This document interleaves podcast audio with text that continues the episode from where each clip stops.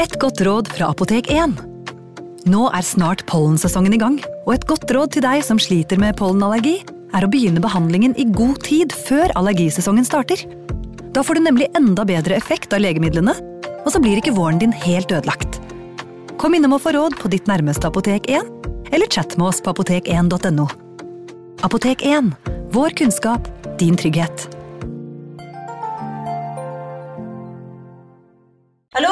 Jeg kommer fra Oslo politikammer. Ine Jansen er purk. Er du purk? The motherfucking bitch. Alt jeg vil, er å finne ut hva som skjedde med mannen min. Jon Carew. Er jeg sikta for noe? Iben Akeli. Det er du. Ole So, Lars Berrum og Big Daddy Karsten. Hvem sin side er du på, egentlig? Anette Hoff, Tone Danielsen, Kommer du fra Afrika? Jørnis Josef, Nesten. Kløfta. Trond Espen Seim, Det er synd å si det, men det var feil mann som døde. Purk. Premiere tirsdag på TV2 Play. Advarsel. I denne podkasten vil du høre historier basert på informasjon programlederne har funnet selv. Programlederne står ikke nødvendigvis inne for meninger og syn som fremstilles. Noen påstander kan avvike fra virkeligheten.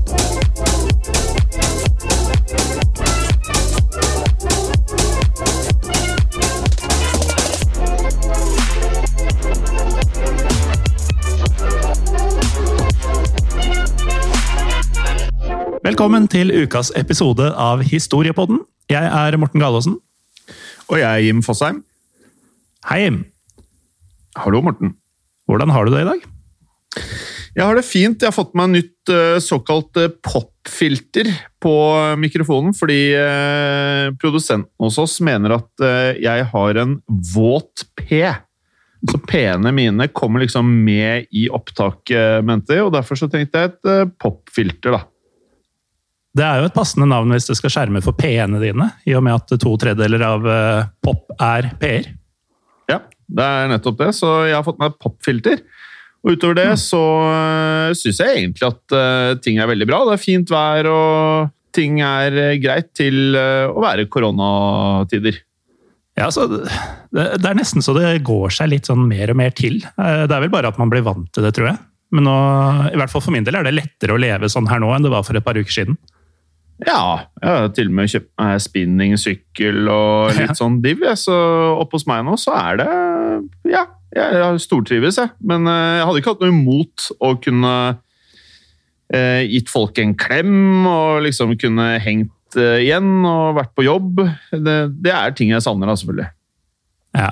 Så vår måte å være intim med andre på nå, er jo å fløyelsmykt i ørene deres fortelle dem om ting som har skjedd eh, opp gjennom historien. Og ja. i dag så skal vi eh, fortelle historien om eh, Eller den andre episoden om eh, tyskernes invasjon av eh, Norge i 1940. Og siden det i år er eh, 80 år siden tyskerne invaderte oss, så har vi jo et par episoder om akkurat det. Eh, Vi begynte forrige uke, og vi fortsetter denne, og det blir vel fort det samme neste uke, for eh, vi er jo ikke veldig sånn fremmede for å snakke andre verdenskrig her, Rim. Nei, vi liker det, vi liker det utrolig godt. Og øh, når du, når du først har muligheten, det er 80 år siden vi ble mm, invaderte, så passer det jo veldig bra. Og vi vet jo at uh, mange av lytterne syns vi at kanskje litt vel få episoder som tar for seg Norge i uh, historien. Så da passer det veldig bra. Ehm, Sånn at eh, Vi tenkte i første gang at vi skulle kjøre tre episoder da, som vi kaller eh, invasjonen av eh, Norge. Eh, og I forrige episode konsentrerte vi oss eh, helt og holdent om da selve dagen, altså invasjonsdagen, som da er, eller var 9. april 1940. Ja, og i dag så skal vi jo fokusere på det at uh, det var jo ikke bare bare for tyskerne å marsjere inn den 9. april uh, og treffe på et norsk folk som bare trakk på skuldrene og lot uh, tyskerne gjøre som de ville. Så vi skal snakke litt om tiden rett etter selve invasjonsdagen. Som andre ord så blir det da slik at eh, vi kommer til i aller høyeste grad å prate om noe vi var innom forrige episode, som da er Narvik. Eh, og da både det hvor viktig det var med Narvik for tyskerne, men like fullt hvor essensielt byen og området Narvik var for de allierte. At det da rett og slett ikke skulle falle inn under kontrollen til nazistene. Så viktig føler vi da med andre ord at Narvik er, at eh, i stedet for det er ganske mye annet vi kunne pratet om som episode to i denne tredeleren, men vi velger da, etter å ha researcha Narvik som en hel episode. Og da tenker vi at den tredje episoden om dette, som kommer neste uke, eh, skal ta for seg resten av eh, året 1940. Altså både det som ellers skjedde utenom slaget om Narvik mens det pågikk, og hva som skjedde resten av året, altså etter slaget om Narvik. Mm. Så bare sånn for å starte her, da, så eh, sier man at slaget om Narvik varte fra april til juni i 1940. Eh, og for alle andre, da, eh, som er litt sånn som oss, eh, Morten, som ikke er geografiske lommekjente i området rundt Narvik, ja, vi er vel ikke sånn at... dialektalt lommekjente i Nord-Norge heller, har vi fått beskjed om av flere lyttere. Ja, opptil flere ganger av de samme lytterne og nye lyttere. Mm. Vi fant i hvert fall da ut at uh, Narvik både er et uh, navn på kommunen, men også byen Narvik, med, uh, som da er i, i kommunen Narvik, selvfølgelig. Eh, og ettersom det var mye strid om områdene rundt Narvik, så tenker vi på hele kommunen, vi, og ikke bare byen Narvik, når vi i denne episoden refererer til slaget om Narvik. Nei, og Som, eh, altså, for å det, gjøre det litt enkelt, da. Eh, som dere kanskje husker fra første episode, så var Narvik i Nordland et viktig sted for både allierte og for tyskere.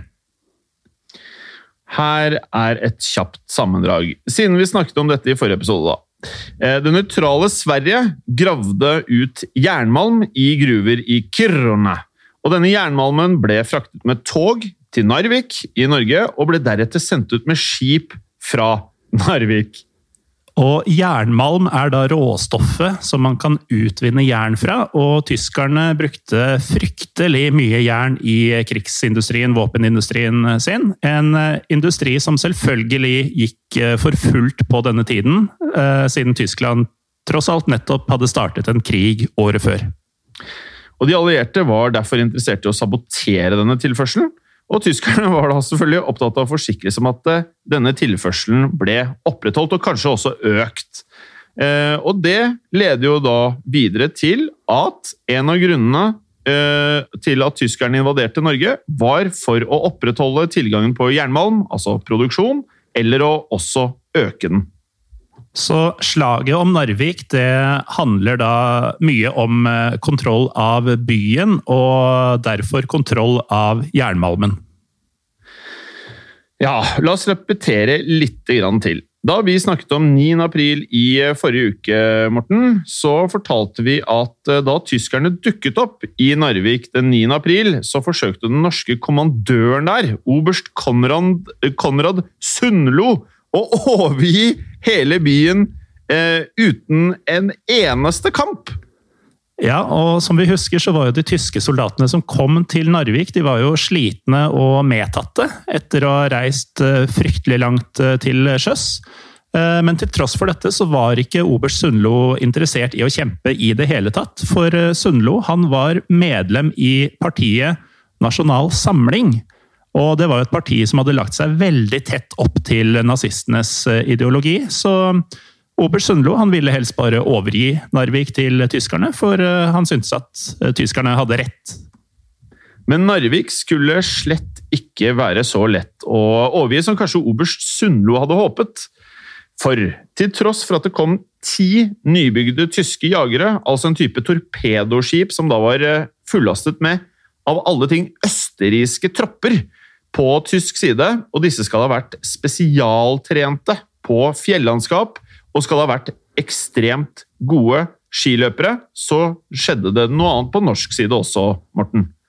Ja, men altså spesialtrent for fjellandskap og, og, skigåing, det høres jo ut som en god plan da, når man skal invadere Norge. Når vi har så mye mhm. fjell og, og ulendt terreng, så kommer eh, soldater som er spesialtrent på akkurat det terrenget.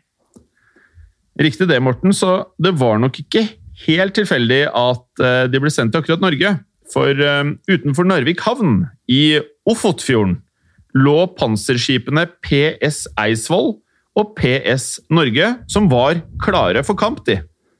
De var klare til kamp, men de var dessverre 40 år gamle.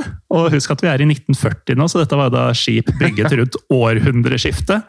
Eh, og de hadde, eh, kanonene hadde liten rekkevidde i forhold til de moderne tyske skipene, og resten av våpensystemene var også relativt utdatert. Eh, så etter at kapteinen på skipet Eidsvoll nektet å overgi seg, så torpederte tyskerne skipet med to eller tre torpedoer, litt avhengig av hvem du spør. Og den voldsomme eksplosjonen fra dette fikk Eidsvoll til å synke på bare 15 sekunder. Ja, og dette her er noe som lett uh, kan glemmes. At uh, Man skal huske på at uh, i førkrigstiden så brukte tyskerne enorme ressurser og tid på å ruste opp. Altså, De hadde høyteknologisk utstyr og var veltrente, mens veldig mange av landene de invaderte, kanskje ikke var forberedt på krig. Hmm. Men det skulle da heller ikke gå noe særlig bedre med skipet PS Norge som da åpnet eh, ild mot uh, tyskerne bare noen minutter etterpå. Uh, sikten skal ha vært beskrevet som utrolig dårlig, og før de visste ordet av det, så ble de truffet av to tyske torpedoer, som da selvfølgelig gjorde katastrofal skade på disse 40 år gamle skipene. Og dette skipet skal ha vært senket på under et minutt! Så var det, det under vann. Ja, det kunne ja. De, de, tyske og østerrikske styrkene torpederte altså og senka begge eh, panserskipa på veldig kort tid, og 276 nordmenn fra mannskapet på disse panserskipene omkom. Men allikevel eh, var mange av de norske troppene da altså ikke innstilt eh, på å overgi seg. Og man må jo også føle litt på liksom hvordan det må ha vært å ha vært nordmann på denne tiden og skulle kjempe mot tyskerne, når du da har sett denne voldsomme styrkeoppvisningen, og du har en oberst som bare ønsker å overlevere hele området til fienden. Nei, De var eh, absolutt ikke interessert i å overgi seg selv eh, til tross for dette. Så rundt 200 av de norske soldatene, selvfølgelig opprørt over oberstens eh, overgivelse, de kom seg ut av selve byen Narvik. Disse 200 soldatene fulgte jernbanen Ofotbanen, østover til Bjørnfjell, ca. 1 km fra svenskegrensen. Der etablerte de forsvarsposisjoner. Dette var for å hindre at tyskerne skulle få kontroll da over den norske jernbanen, som var viktig. Ja, og Vi skal ta ting eh, svært kronologisk i dag, eh, så vi kan legge disse litt på is, men fortelle at eh, disse gutta vil bli relevante igjen noen dager senere i april. Ja. Vi må la nordmennene bare vente litt akkurat nå. For som vi husker, så hadde tyskerne flere fiender som sto imot dem. Og da britene skjønte da at tyskerne hadde begynt å invadere Norge, satt eh, de på ingen måte stille i båten. Nei, for ønsket om å sabotere tyskernes eh, tilførsel av jernmalm, den sto fortsatt sterkt. Og siden det var en invasjon på gang, så tok britene dramatiske grep. Ja. Som vi husker fra første episode, eh, så var jo britene på hugget allerede 8. april, da de la ut sjøminer i området. Eh, nærmere bestemt rett utenfor inngangen av Vestfjorden. Den britiske marinestyrken som hadde ordnet dette, ble faktisk værende da altså i området eh, utenfor Lofoten. Ja, før de fikk snudd seg, så var det jo plutselig eh, tysk invasjon på gang. Eh, tyskerne angrep Norge, og det var jo dårlig nytt for britene, som ønsket å holde tyskerne unna Narvik. Så den marinestyrken som lå utenfor eh, Lofoten, fikk da nye ordre på kvelden den 9. april.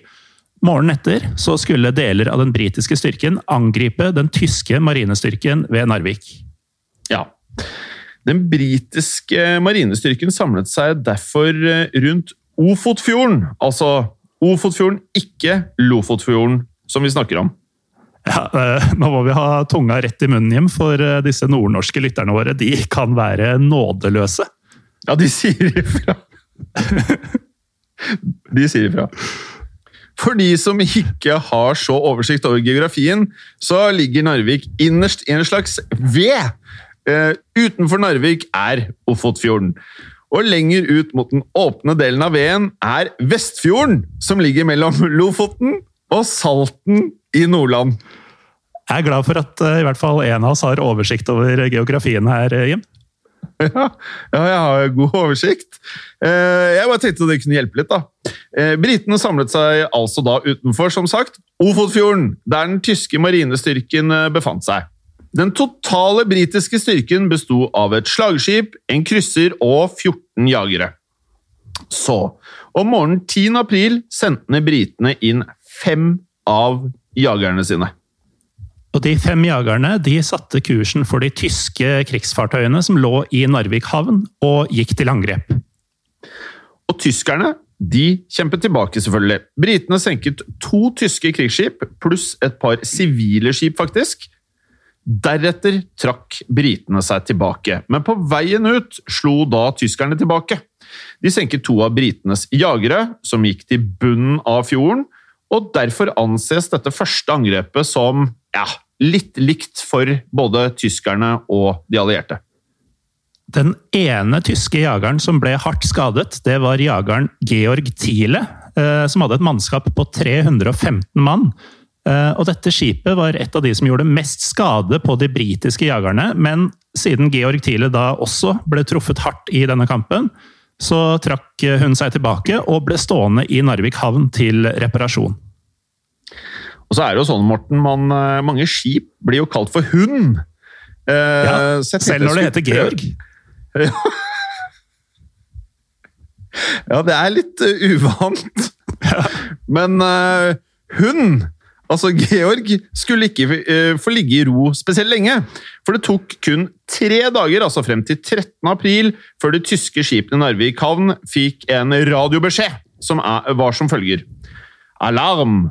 Store sjøstridskrefter trenger inn i Ofotfjorden, sa meldingen. Og deretter ble det stillhet, Morten.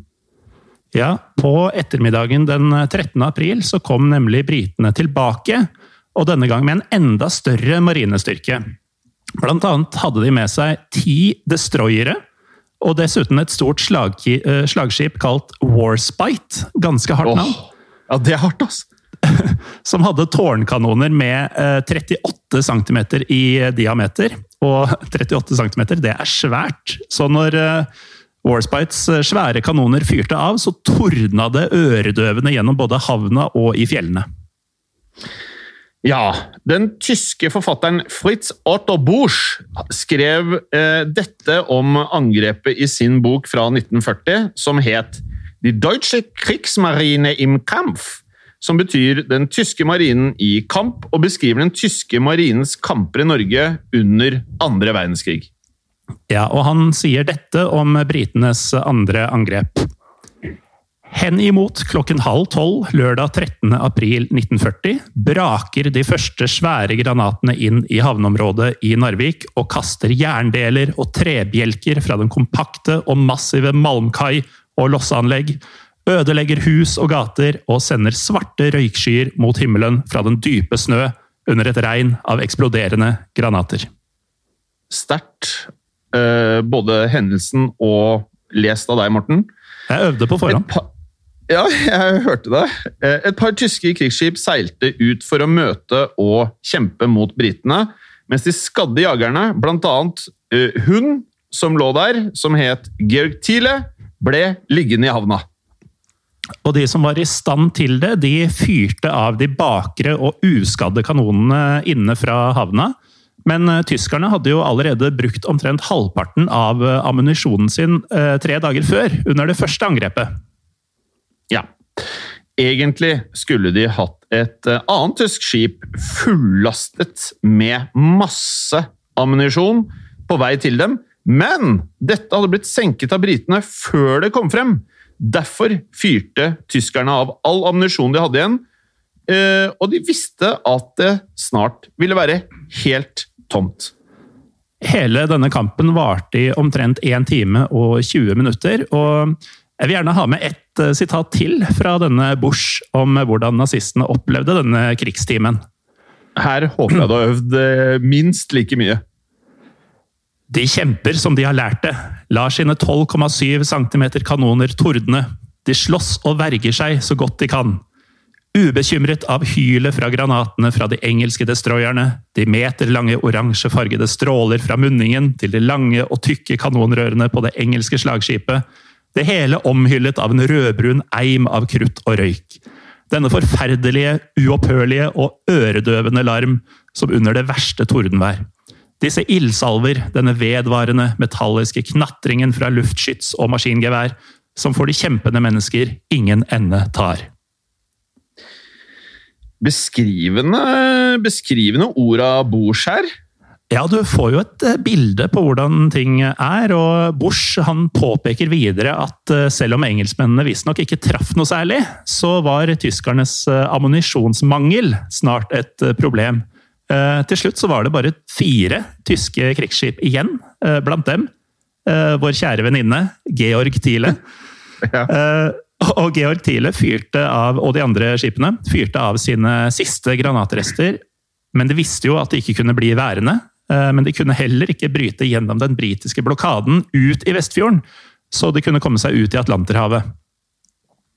Og dermed Da trakk alle de tyske skipene seg tilbake fra Ofotfjorden og seilte inn i Rombaksfjorden.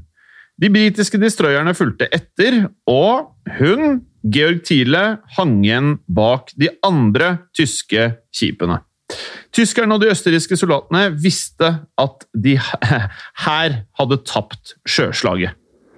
Så Georg Thieles oppgave ble da å holde britene opptatt eh, lenge nok, så mannskapet fra de andre tyske skipene kunne gå i land.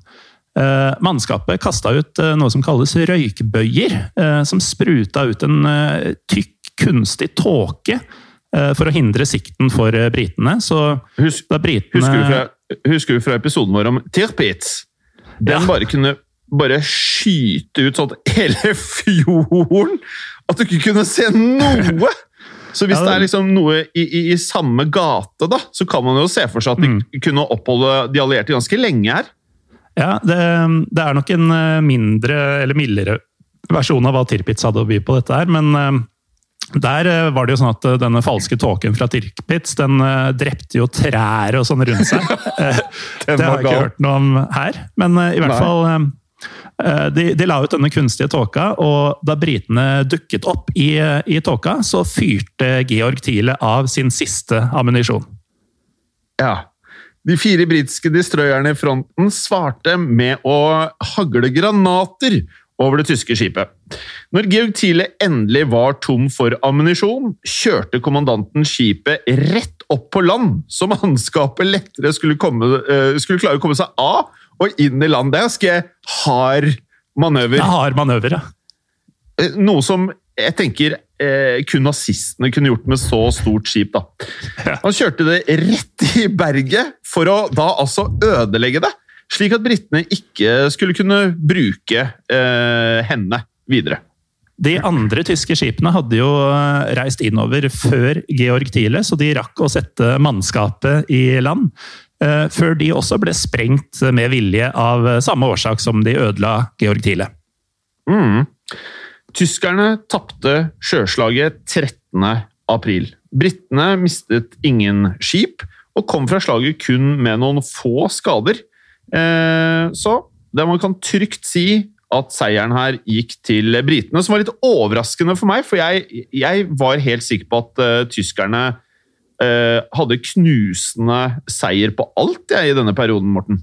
Ja, det var det jeg trodde også, men de, de, skulle få kjørt seg skikkelig i Narvik. Altså, vi er ikke ferdig med det ennå. Eh, men restene av eh, frøken Georg Thiele ligger eh, fortsatt i nærheten av Rombak. Så det er faktisk mulig å dra og se på skipet, eller i hvert fall det som er igjen av det, den dag i dag.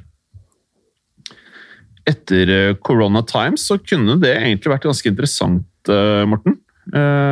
Kombinerte med noe live historiepodden oppi det området der. Ja, For det er mye vi... å se. Ja. Da blir vi lynsja. Ja, ja. Men det er mye spennende å se i området der. Eh, for de tyske og østerrikske soldatene som hadde forlatt skipene og gått i land, samlet seg på Elvegårdsmoen militærleir, som hadde på dette tidspunktet da også havnet i, eh, under tysk kontroll.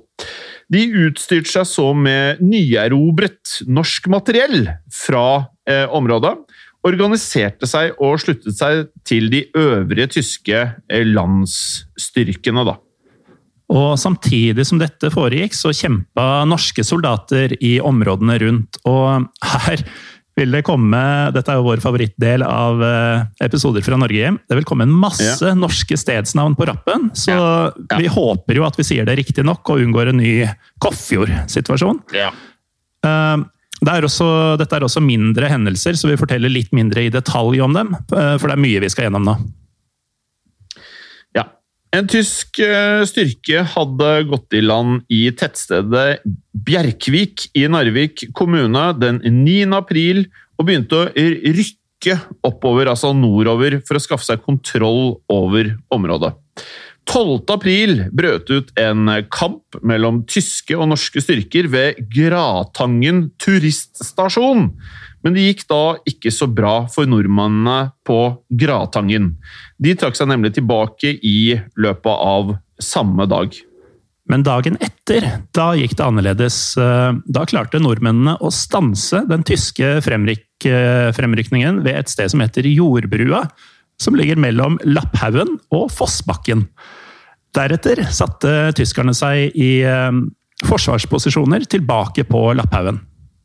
Ja, andre steder klarte tyskerne å rykke frem. Styrkene som hadde kommet seg ut av Narvik da oberst Sundlo overga byen til tyskerne, hadde som sagt da etablert seg i Bjørnfjell for å da forsvare den veldig, veldig, veldig viktige jernbanen. Imidlertid så ble disse den 16. april eh, overrumpla av et tysk overraskelsesangrep, eh, som førte til en kort kamp hvor 45 mann ble tatt til fange mens resten av nordmennene de trakk seg tilbake og over til Sverige. Ja, Vi nevnte sist at vi eh, ville snakke om de personene man da ikke alltid hører navnet på i historietimen. Så jeg synes det er på tide å introdusere general Carl Gustav Fleischer ja, eh, General Fleischer han ledet de norske styrkene i Nord-Norge under slaget om eh, Narvik. Han hadde beordra full mobilisering i Nord-Norge allerede om morgenen den 9. april, og vi kommer tilbake eh, og kommer til å høre mer om han veldig snart. Absolutt, men først skal vi høre litt mer om de allierte styrkene. Dette kommer det mer om etter en veldig kort pause. Da er vi tilbake. Vi er nettopp blitt eh, introdusert for general Carl Gustav Fleischer, og vi skal også få høre mer om de styrkene de allierte sendte til Norge. Ja, for det kom flere allierte soldater som skulle hjelpe Norge, særlig i slaget om eh, Narvik. da. Flere britiske styrker gikk i land i Harstad og Sjøvegan Sjøvegan den 14. april, og mellom 28. april og 9. mai kom det også franske og polske styrker til samme område. Og de skulle etter hvert eh, samarbeide med de norske styrkene, men ikke helt ennå. Eh, først så var de norske, altså våre styrker, mest på egen hånd. og Hittil hadde nordmenn vært i forsvarsposisjon mot eh, tyske styrker, men den 24. april så utførte de norske styrkene under general Fleischers eh, ledelse et eh, angrep mot tyskerne, og dette var første gang eh, de gjorde noe sånt. General Fleischer og hans norske styrker opererte stort sett selvstendig gjennom hele slaget om Narvik, med noe senere samarbeid med de allierte i mai. Det stemmer. Dette angrepet den 24. april var et uh, todelt angrep, uh, så å si, da, uh, mot de tyske styrkene som hadde kommet seg frem til Lapphaugen, men ikke lenger. En norsk styrke skulle angripe fra fronten mot tyskerne ved Lapphaugen, mens den andre norske styrken skulle angripe flanken fra Tennevoll. Jeg lurer på om eh, vi skulle bedt eh, folk finne fram et kart mens de hører på dette, her, for å få litt oversikt. For det er fryktelig mange stedsnavn på en gang. Ja, altså nå som man eh, Ja, nå åpner jo Norge for veldig mye arbeid til uka, da, Morten. Men eh, sitter man på trikken eller man sitter hjemme, så flikk opp bare på Google Maps. Så ja. det kan gjøre det litt enklere. Vi syns i hvert fall det. Mm. Uh, uansett så var uh, ikke været helt på nordmennenes side akkurat denne dagen. Det blåste nemlig opp til en aldri så liten snøstorm. Uh, og det har vi jo sett i mange forskjellige deler av annen verdenskrig, at vær og storm har hatt ekstremt mye å si for utfallet i mange strider. da. Og Den ble så kraftig at styrken som skulle angripe tyskerne mot Lapphaugen, måtte faktisk avbryte hele angrepet. Og den andre styrken som skulle angripe i flanken, de kom seg til eh, stillingene sine i fjellsiden nord for Grattangen, som vi nevnte tidligere. Men eh, snøstormen gjorde det vanskelig for disse også, eh, for de kunne ikke se riksveien gjennom snøstormen fra der de var. Eh, og det var den veien som tyskerne skulle bruke til retrett. Det var nettopp det, så da for å avskjære tyskernes eh, retrettvei, så å si, da, gikk nordmennene derfor ned fjellsiden og ned til her må dere faktisk ha litt kart, tror jeg. Mm. og ned til Gratangen for å kunne avskjære tyskerne i akkurat dette området. Men marsjen i uværet slet nordmennene helt ut, så de tok stilling i husene og rett og slett for å kunne hvile. Og dette ga tyskerne muligheten til å angripe nordmennene dagen etter, den 25. april. Og de brukte norske fanger og sivile som skjold i dette angrepet. Eh, et angrep som, eh, som, ikke gikk så bra for de norske styrkene. Eh, blant nordmennene så døde 34 mann. 64 ble såret, og 180 tatt til fange. Og For å sammenligne så hadde tyskerne da seks døde og 16 sårede i samme angrep. Ja, det var eh, leie tall, men som sagt kom det flere allierte styrker inn, og franske alpejegere! Og det, Morten, det høres ut som noe man vil ha på sin side. Det gjør det, altså. Som er soldater da, som er spesialt eh, trent, utdannet for kamper i fjellterreng. De kom da altså for å samarbeide med norske styrker i området. Det ble flere, eller mange, små kamper, og franskmennene og norske brigader kjempet mye om å få kontroll over fjelltopper faktisk, i området, som da tyskerne hadde slått seg ned på. Samtidig så skjedde det jo ting i resten av landet også. I eh, Sør-Norge så trakk de allierte styrkene seg ut 3. Eh, mai, og den 5. mai så overga de norske styrkene der seg til tyskerne. Plutselig måtte da general Fleischer også forhindre at de tyske styrkene fra lenger sør marsjerte nordover og gjennom Nord-Trøndelag for å forsterke de tyske styrkene i Narvik. Mm. General, Fle general Fleischer organiserte derfor en ny sørfront i Helgeland Først besto denne av noen eh, norske styrker, men etter hvert kom britene med hjelp og satte inn fem kompanier, og til slutt en brigade i Helgeland. Og summen av alt dette betydde at uh, tyskerne i Narvik var isolerte. Vel, tilsynelatende isolerte, Morten. Eh, de fikk fortsatt inn forsyninger med sjøfly, faktisk, og fallskjermsdropp, og ved hjelp av svensk jernbane.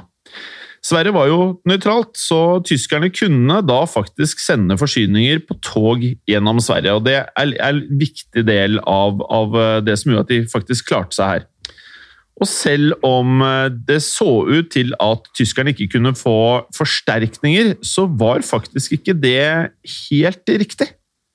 Nei, for med disse togene fra Sverige så kom det som så ut som eh, personell fra Røde Kors. Men det eh, var de ikke. I virkeligheten så var disse personene militære spesialister som eh, maskingeværskyttere, bombemannskap, sanitetspersonell og etterretningspersonell. Og de var rett og slett utkledd som personell fra Røde Kors, og fikk dermed slippe gjennom til Narvik. Og noen kom også med fly. Høres ut som noe nazistene kunne finne på, ja. Til sammen kom det 1130 ekstra tyskere med eh, forsterkninger til eh, Narvik, spredt utover i perioden frem til 9. juni. Eh, men tilbake i mai så må vi dra frem til 13. Eh, mai og det som ble den første allierte landgangen i andre verdenskrig mot en strand som ble forsvart av fiendtlige soldater. Eh, franske og engelske styrker de kom den dagen via både skip og fly.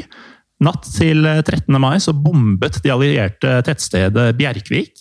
14 sivile ble drept i disse bombingene, og tettstedet fikk store materielle ødeleggelser. Og senere på dagen var det da klart for at de allierte troppene kunne sette i land eh, tropper der. Samtidig så organiserte norske tropper seg oppe i fjellene, og en polsk bataljon som hadde kommet til landet litt eh, tidligere, marsjerte til Bjerkvik, og for å da slå seg sammen med britene og også franskmennene. Dette førte til tysk retrett fra Bjerkvik. De allierte tok tettstedet og fortsatte framover. Franskmennene tok militærleiren Elvegårdsmoen tilbake fra tyskerne. Og deretter slo de seg sammen med disse alpejegerne vi nevnte tidligere, samt en norsk brigade. Og sammen så tok disse øyjord, som visstnok skal ha vært en forutsetning for å kunne gjennomføre et angrep på selve Narvik by. Helt riktig. Og fra slutten av april til midten av mai presset uh, da altså norske styrker tyskerne tilbake mot området Narvik.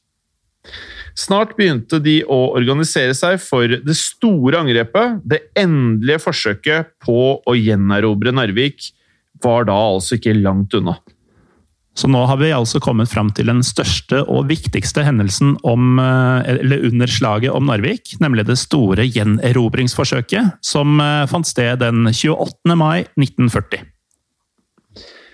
De allierte og de norske styrkene rettet derfor blikket mot Narvik, altså byen Narvik. Eh, det var briter, franskmenn, nordmenn og 5000 medlemmer av den polske eksilbrigaden som kjempet i fellesskap.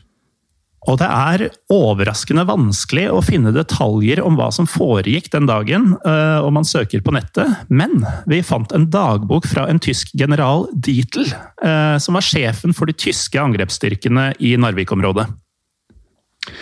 Og General Dietl skrev i eh, dagboken at det kom syv allierte krigsskip inn i Ofotfjorden rett før midnatt natten til 28. mai 1940.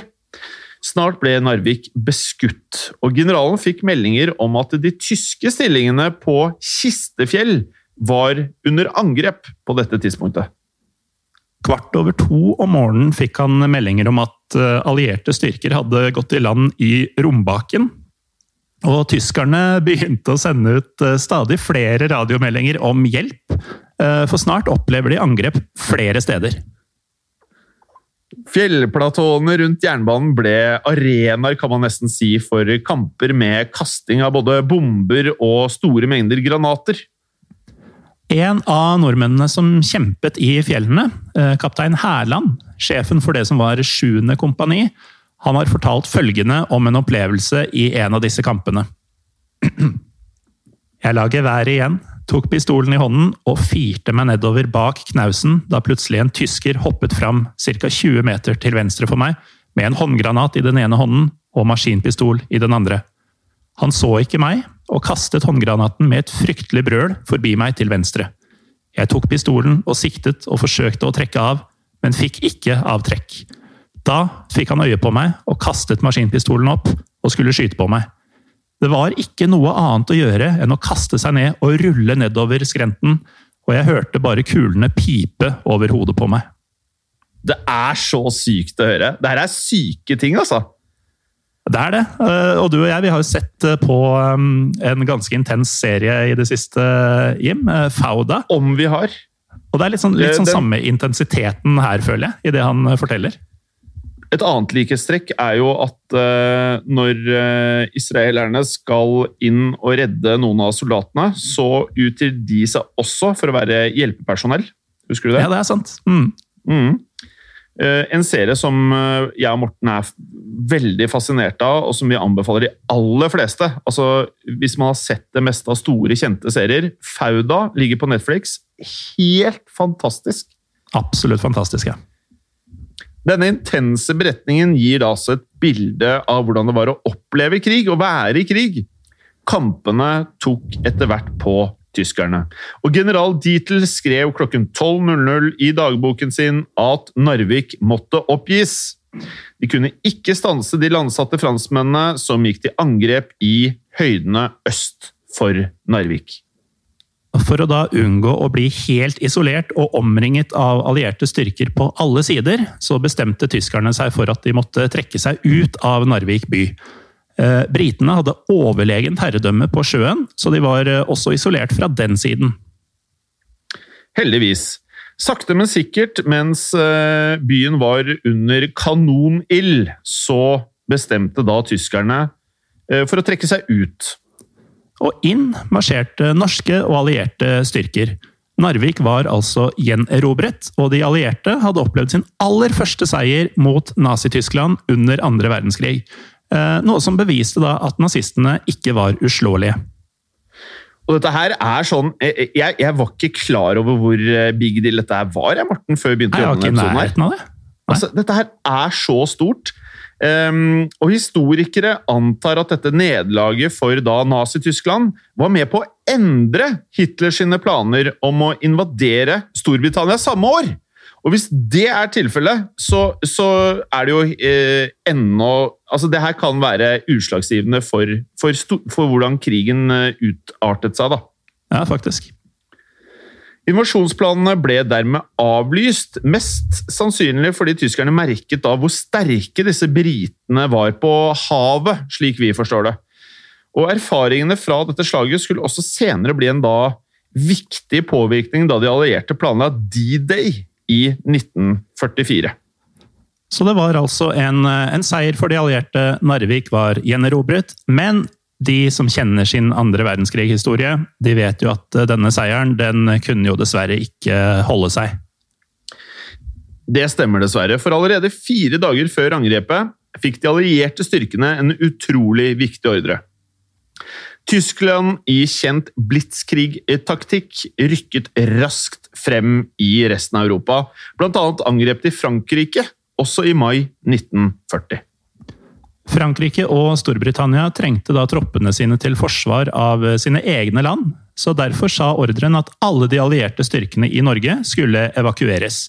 Den 4. juni begynte de allierte å evakuere Norge, og den 8. juni forsvant de siste styrkene. Nordmennene ble dessverre for få på egen. Med de allierte styrkene så hadde vi vært flere enn tyskerne, men etter evakueringen forsvant den viktigste fordelen vi, vi hadde i motstand mot tyskerne. Og Tyskerne kasta ikke bort tiden, for eh, allerede kvelden den 8. juni, når de siste eh, allierte soldatene var ute, så rykka tyske styrker tilbake inn i Narvik, og byen eh, var igjen i tyske hender. Dagen etter dette så begynte Norge å forhandle om våpenstillstand med Tyskland, og kapitulasjonsavtalen ble underskrevet 10.6. Og nettopp dette blir det mer av i neste episode, men slaget om Narvik var da altså i realiteten nå over. Eh, og gjennom hele slaget om Narvik omkom dessverre 8500 mennesker. Det var 86 fly som ble styrtet, og 64 skip ble senket. Det er jo litt eh, downer etter alt det vi har hørt, å avslutte episoden med et uh, tap. Men uh, de hadde i det minste lært, de allierte, at Nazi-Tyskland kunne beseires, selv om Norge da led et nederlag etter gjenerobringen. Enig. Forresten ble Narvik også mindre strategisk viktig for tyskerne under slaget. For i mai gikk eh, tyskerne som sagt inn i Frankrike, og da erobret de jernmalmgruver i det området. Men de allierte fortsatte å kjempe om området helt til evakueringen, fordi Narvik ble viktig for selve da krigsmoralen, som vi vet var utrolig viktig for alle, både eh, tyskerne og de allierte under krigen. Og siden det eh, førte til den første allierte seieren mot Nazi-Tyskland, så løftet dette her moralen, og det ble brukt mye eh, for å holde moralen oppe i tiden fremover.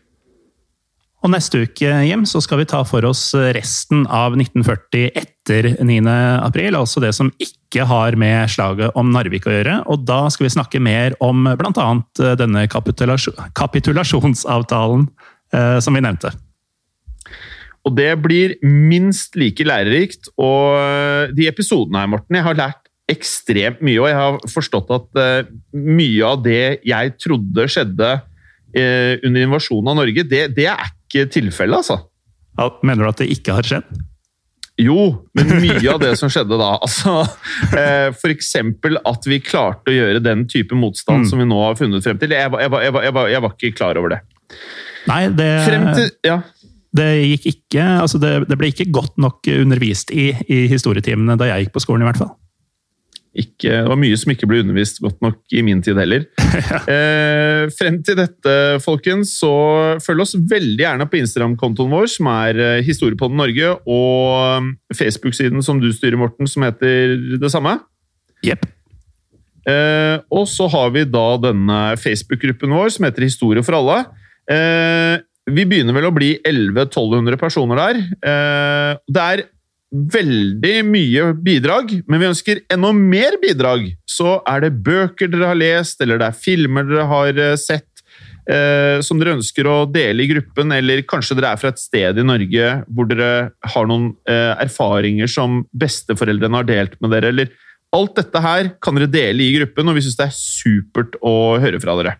Og også Ja, og- hvis vi sier stedsnavn feil. Ja, og, og sånne ting som f.eks. besteforeldre som har vært med på ting og sånn, det får vi innimellom i eh, private meldinger på, på både Facebook og Instagram. Men eh, hvis dere er komfortable med å fortelle disse historiene, så gjør det gjerne i den gruppa også, sånn at flere kan uh, få med seg hva som har skjedd, og, og diskutere litt og stille litt spørsmål og sånn. Veldig bra. Eh, f- eh, Følg oss gjerne på alle disse stedene, men rate oss også gjerne på iTunes. Gi oss eh, stjerner der, vi syns det er eh, gøy. Og skriv gjerne igjen en kommentar. Og igjen, vi er superydmyke for at dere hører på dette her og gir oss så mye flott tilbakemelding. Eh, Den, eh, forrige uke var vel rekorduke i antall avspillinger av Historiepodden. Og hvis jeg ikke tar helt feil, så tror jeg vi enten ligger likt denne uka, eller er ørlite grann opp igjen. Så det er jo veldig smigrende. Det er det absolutt, og spesielt nå som eh, mange kanskje har mindre å se fram til i hverdagen enn før, da, så er det kjempeflatterende for oss å vite at vi er noe som folk ser fram til i, i en vanskelig tid for mange. Mhm. Og øh, igjen, det høres øh, kanskje ut som noe vi har mange, sagt mange ganger før, men øh, er det noe, send oss en DM, og så prøver vi så godt vi kan å svare på akkurat din øh, kommentar. Morten, det Yes. har skjedd. Og det kan skje igjen. Håper ikke, men ja. Ha det bra. Ha det! I produksjonen av Historiepodden så ønsker vi å takke Håkon Bråten for lyd og musikk. Takk til Felix Hernes for produksjon. Takk til Ellen Froktenestad for tekst og manus. Og takk til deg, Morten Galesen, for programlederrolle. Og takk til deg, Jim Fosheim, for programlederrolle. Moderne media. Har du et enkeltpersonforetak eller en liten bedrift? Da er du sikkert lei av å høre meg snakke om hvor enkelt det er med kvitteringer og bilag i fiken, så vi eh, gir oss her, vi. Fordi vi liker enkelt. Fiken superenkelt regnskap. Hei, og takk for at du lytter til Historiepodden. Skulle du ønske at du kunne høre en ny episode av Historiepodden hver eneste uke? Vel, da er det én ting å gjøre. Da kan du laste ned podkastappen Untold med det samme. For i tillegg til ukentlige episoder av podkaster som Historiepodden andre verdenskrig, Henrettelsespodden og også Gangsterpodden, så får du masse annet reklamefritt og også eksklusivt innhold. Last ned Untold i AppStore eller Google Play og start din 30 dagers gratis prøveperiode allerede i dag.